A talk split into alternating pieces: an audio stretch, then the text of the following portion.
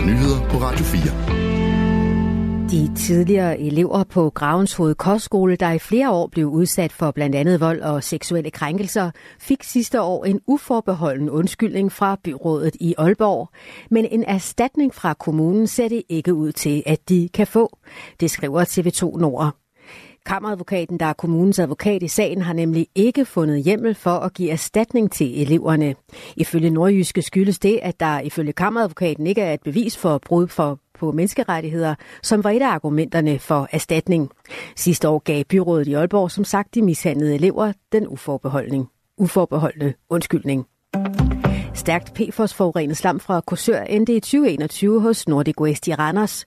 Få måneder senere var de mange tons jord gjort til ren jord, ifølge en jordprøve, som Nordic Waste selv udtog og sendte til myndighederne. Men det undrer både eksperter og tidligere samarbejdspartnere til Nordic Waste. For på det her tidspunkt havde Miljøstyrelsen ikke kendskab til, at nogle virksomheder i Danmark kunne fjerne PFOS fra jord. Det kan vi fortælle her på Radio 4. Oplysningen chokerer Rose, Rosa Lykke Yde, der er byrådsmedlem for SF i Randers. Mine alarmklokker bimler og bamler. Jeg tør ikke at sætte to streger under og konkludere noget. Men jeg bliver nødt til at sige, at med de ting, I har gravet frem i den her sag, så er der meget, der tyder på, at der er noget helt galt. Hun vil nu have klarlagt, hvad der er sket med den PFOS-forurenede jord. Vi er simpelthen nødt til at finde ud af, hvor pokker det her blevet af. Det er jo et såkaldt evighedskemikalie. Det er jo ikke noget, der bare forsvinder af sig selv. Interne mails viser, at Nordic Waste har smidt de 22 tons PFOS forurenet jord ned i jordtippen ved den tidligere lærgrav hos Nordic Waste. Nordic Waste har ikke ønsket at kommentere de her oplysninger.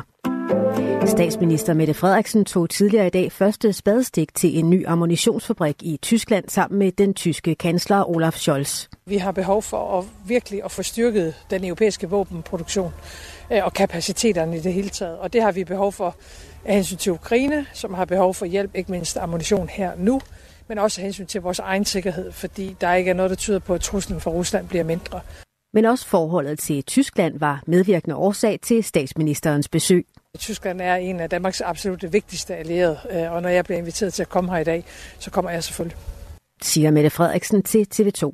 Ammunitionsfabriksanlægget ligger ved byen Unterlys mellem Hamburg og Hannover.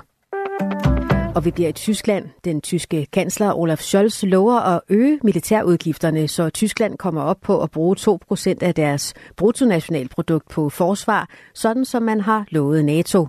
Kanslerens kommentar falder efter, at den tidligere amerikanske præsident Donald Trump har vagt fornyet diskussion om de europæiske landes forsvarsbudgetter. På et vælgermøde i lørdag sagde Trump, at hvis, man, at hvis han blev præsident igen, ville han ikke love at beskytte NATO-lande, som ikke har betalt de bindende 2 procent. Danmark bør sætte en stopper for eksport af militært udstyr til Israel. Det mener både enhedslisten og de radikale efter en hollandsk appeldomstol i dag gav den hollandske regering ordre om at stoppe eksporten af reservedele til F-35 kampfly til Israel. Det skriver DR. Omkring 15 danske virksomheder leverer også dele til flyene. Det er Danmarks opgave at vurdere, om danske våbendele ender et sted, hvor der er alvorlig risiko for krænkelse af menneskerettighederne eller af folkeretten. Det må vi ikke, og det skal den danske regering sikre, siger de radikales udenrigsordfører Christian Friisbak til DR. Enhedslisten har kaldt både udenrigsministeren og justitsministeren i samråd om sagen. Den hollandske regering har anket dommen fra appeldomstolen.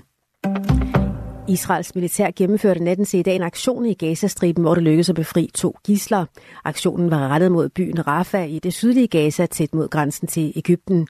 Her opholder mere end 1,5 millioner civile palæstinensere sig lige nu på et meget begrænset område.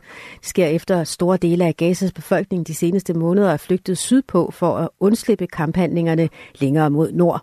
Men Israel har også varslet en stor militæroperation mod Rafah. Tidligere i dag bad Israel FN om hjælp til at evakuere de civile palæstinensere.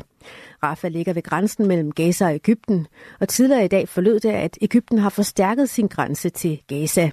Under normale omstændigheder huser Rafah omkring 275.000 indbyggere, men grundet krigen befinder mere end halvdelen af Gazas befolkning, heriblandt 600.000 børn, sig i området omkring byen. I aften fortsætter regn, slud og sne, temperaturer mellem 2 graders frost og 4 graders varme. Det var nyhederne her på Radio 4 med Angie.